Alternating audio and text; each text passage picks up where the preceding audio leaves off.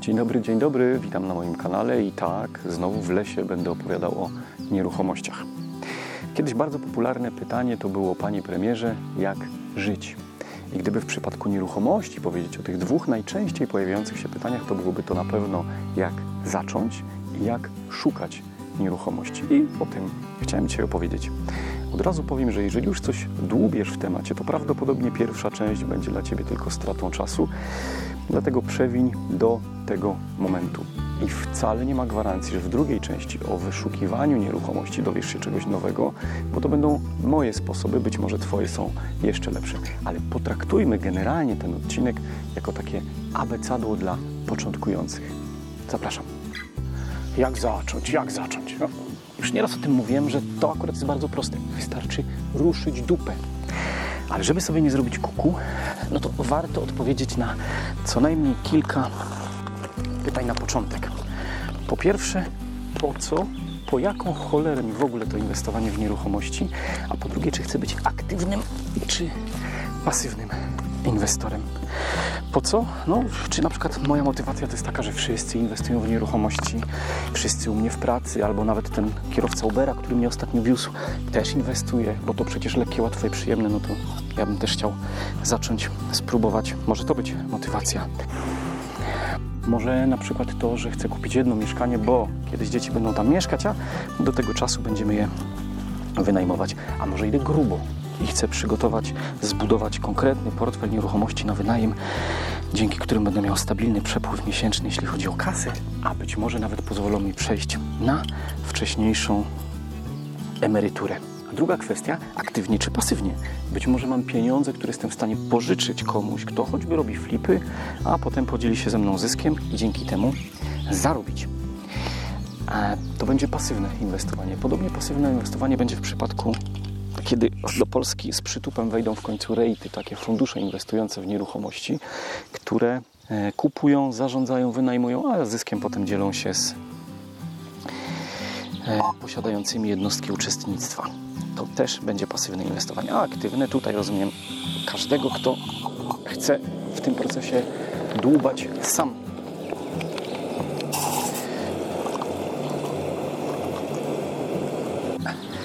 Kolejne pytanie, gdzie? Czy na przykład chcę inwestować w mieście, w którym mieszkam, bo będę sam doglądał tych inwestycji, czy niezależnie od tego, jaka odległość, nie zamierzam się tym w ogóle sam zajmować, tylko zlecę firmie, która zarządza najmem, a ja będę patrzył tylko i wyłącznie na cenę, bo na przykład w innej miejscowości poza moją jestem w stanie kupić nieruchomość odrobinę taniej. Gdzie też w rozumieniu jaki segment? Czy miasto, w którym chcę inwestować, pełne jest na przykład studentów i to im będę wynajmował nieruchomości, czy raczej chcę się na przykład skupić na rynku nieruchomości luksusowych? A może po drodze jest mi znajomym krótkoterminowym i będę inwestował w apartamenty wakacyjne nad morzem czy w górach? To jest segment. Kolejne ważne pytanie to komu chcę wynająć te nieruchomości? Kto będzie moim klientem? Czy ci właśnie wcześniej wspomniani studenci, czy na przykład jacyś ekspaci, którzy wynajmują większe, lepsze, droższe apartamenty, bo płaci za nie firma, czy właśnie klient turysta przyjeżdżający zwiedzać moje miasto albo przyjeżdżający na urlop do miejscowości, w której mieszkam. I to od razu też odpowie mi, czy pomoże mi odpowiedzieć na kolejne pytanie, za ile to się wynajmie, czyli ta nieruchomość, którą chcę zaoferować na konkretnym rynku, konkretnemu klientowi, jaki może być czynsz najmu w przypadku tej nieruchomości. No i jedno z ostatnich, ale bardzo ważnych pytań jest takie, jak to sfinansować. I ono wiąże się nieodłącznie z kolejnym, czyli jaki jest mój poziom akceptacji ryzyka. Bo może mam pieniądze pozwalające zupełnie spokojnie za gotówkę kupić jedno mieszkanie i nie mieć żadnego garba kredytowego. Być może to jest scenariusz dla mnie. Ale przy większej akceptacji, bo taki scenariusz oznacza zerową akceptację dla ryzyka. Natomiast przy większym poziomie akceptacji ryzyka być może jestem w stanie kupić e, trzy mieszkania wpłacając wkład minimalny, a w tym przypadku niestety w dobie, w erze COVID-u to bardzo często jest już 30%, bo banki zaostrzyły te swoje procedury udzielania kredytów. Ale mając ekwiwalent pieniędzy wystarczających na zakup jednego mieszkania mogę się tak zlewarować, że kupię trzy przy minimalnym wkładzie i dorzuceniem reszty postaci kredytu hipotecznego. Ale to znowu oznacza dużo wyższy poziom akceptacji ryzyka, który muszę mieć w sobie, no bo jednak ten kredyt będzie gdzieś tam nad głową wisiał. Jeżeli już na te wszystkie pytania mam odpowiedź, a nadal jeszcze się waham i nie wiem, jak zacząć, to może tu trochę kontrowersyjna teza, ale dobrym pomysłem byłoby skorzystanie z podnajmu, ale nie w rozumieniu jakiegoś dużego mieszkania, które stoi, ktoś nie może go wynająć i ja śpieszę mu z odsieczą, podzielę na pokoje. Nie, nie, nie. To byłby za duży kaliber. Ale być może jest tak, że ktoś w otoczeniu, sąsiad, znajomy, wujek, ciocia, ktoś w rodzinie ma mieszkanie, które stoi i nie pracuje, bo nie wie jak to zrobić, bo nie potrzebuje, bo się boi, bo mieszkanie czeka aż dorosną dzieci i wtedy można by próbować się dogadać, że ja spróbuję to wynająć, ogarnąć od A do Z, podzielimy się jakoś wypracowanymi zyskami i w ten sposób się przekonać, czy tego typu biznes jest dla mnie, czy ja sobie po prostu poradzę. W każdym dobrym ogłoszeniu o pracę pojawia się taka sekcja, gdzie wypisane są cechy, jakie powinien posiadać idealny kandydat. I teraz, zakładając, że chcesz zostać inwestorem na rynku nieruchomości, to jaki zestaw cech może pozwolić robić Ci to skuteczniej? To na pewno nie będzie pełna lista, ale to są takie rzeczy, które mnie pozwalają temat już od kilku dobrych lat ogarniać całkiem, całkiem. Po pierwsze, systematyczność i to systematyczność w rozumieniu rozbudowy portfela, jak i ogarniania tego, który już jest, żeby nie generował pustostanów. I z tym wiążą się kolejne elementy. No bo jeżeli rozbudowujesz ten portfel systematycznie, to pozyskujesz nieruchomości. I przydadzą się umiejętności negocjacyjne, jeżeli robisz to na rynku, kupując na przykład od pośredników albo od osób chcących sprzedać, a przyda się również zimna krew, trzymanie nerwów na wodzy, jeżeli bierzesz udział w licytacjach, przetargach, tego typu e, wydarzeniach. Musisz wiedzieć, że na 100% nie ma szansy, żebyś przelicytował tą młodą parę siedzącą tam w rogu, która postanowiła się usamodzielnić, kupuje swoje pierwsze mieszkanie, byli je oglądać. Dziewczyna już je mebluje, a chłopak obiecał, że na 100% je kupią. Oni kupują marzenia, a ty masz być profesjonalnym inwestorem na rynku nieruchomości i dlatego nerwy musisz trzymać na wodzy.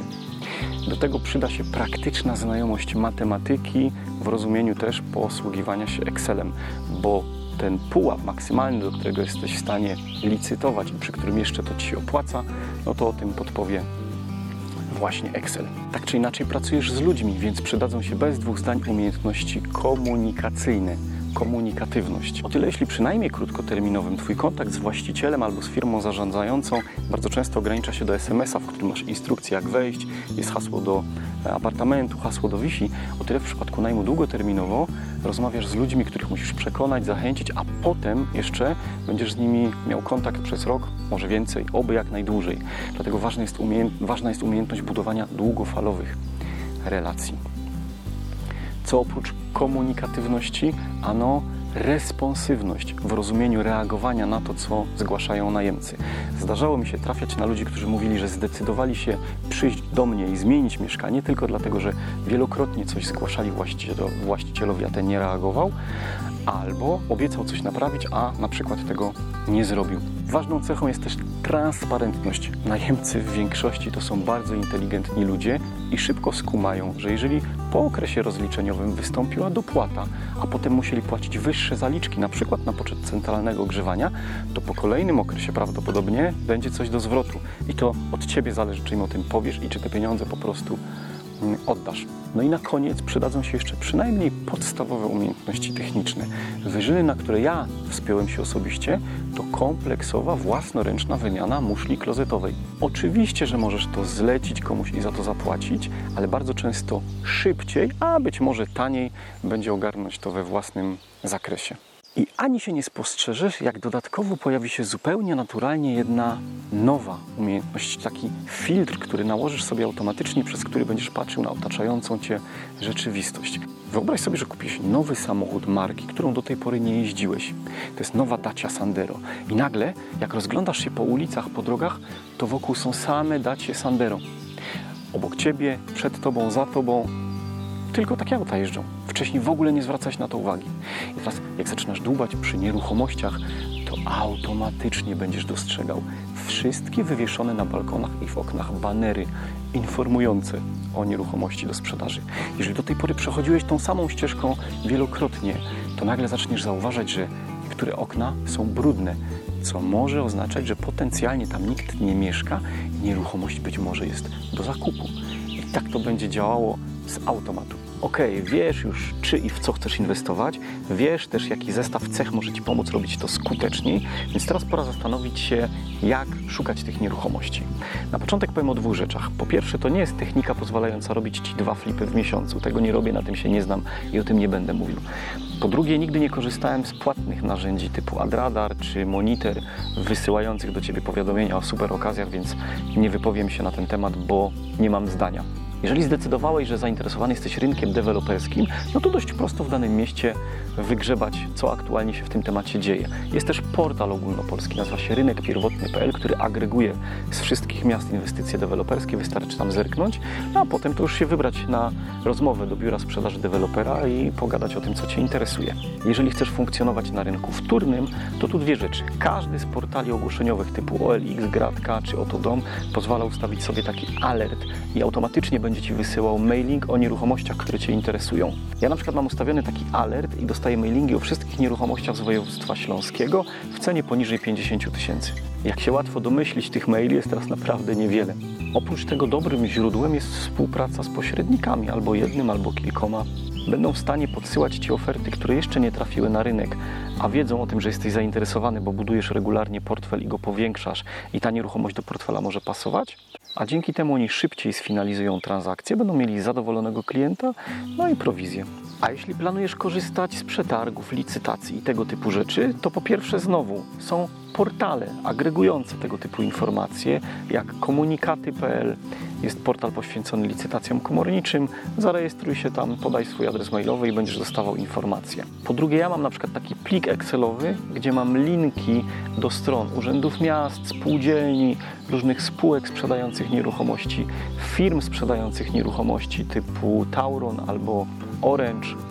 I co jakiś czas sobie tam zerkam, czy są jakieś nowe E, przygotowywane przetargi e, i nieruchomości, które mogą mnie zainteresować. Jeżeli na przykład chociaż raz wziąłeś udział w przetargu organizowanym przez PKP, przez Polskie Koleje Państwowe, które mają od cholery nieruchomości i wyraziłeś wszystkie zgody na RODO, to a potem automatycznie będziesz dostawał od nich mailing o kolejnych przygotowywanych przetargach. I jeszcze parę słów o tym, na co zwracam uwagę, decydując, czy nieruchomość jest atrakcyjna z mojego punktu widzenia, czy nie. Oczywiście ważna jest cena zakupu. Oczywiście ważny jest później koszt ewentualnego remontu albo wyposażenia. Wcale nie tak ważna, mimo że z każdej strony słyszymy, że lokalizacja, lokalizacja, jest teraz lokalizacja, to ta lokalizacja nie jest aż tak kluczowa. Natomiast bardzo ważnym, ale często pomijanym parametrem jest ten miesięczny koszt, jaki potem będziemy musieli ponosić do spółdzielni czy do wspólnoty, a właściwie najemca będzie musiał ponosić, korzystając z tego mieszkania. Dlaczego to jest ważne? Wyobraź sobie, że masz dwa mieszkania o porównywalnych parametrach. Obydwa chcesz wynająć za 1000 zł, natomiast w przypadku jednego czynsz do wspólnoty to jest 200 zł, a w przypadku drugiego to jest 400 zł. Które będzie prościej wynająć? No, oczywiście to, które kosztuje 1200, zakładając, że są porównywalne. A jeżeli chciałbyś obydwa wynająć za 1200, to to oznacza, że swój zysk, czyli ten czynsz najmu, który ustaliłeś na początku na poziomie 1000 zł, będziesz musiał ograniczyć do 800 po to, żeby zrekompensować ten o 200 zł wyższy czynsz, czyli żeby obydwa można było ogłosić i wystawić za 1200 zł. Z mojego punktu widzenia ten miesięczny koszt wnoszony na rzecz wspólnoty czy spółdzielni jest bardzo ważnym elementem, który też należy wziąć pod uwagę przy kalkulacjach. No i to wszystko, co na dzisiaj przygotowałem. Mimo, że świeci słońce, to gdzieś tam w oddali słychać burzę, więc muszę się w miarę szybko ogarnąć. Bardzo serdecznie dziękuję za uwagę. Zachęcam do zasubskrybowania, polajkowania, pochwalenia się znajomym, że jest taki kanał, a nade wszystko zachęcam do oglądania pozostałych filmów. A na dzisiaj to już wszystko. Dzięki za uwagę. Do zobaczenia. Czuwaj!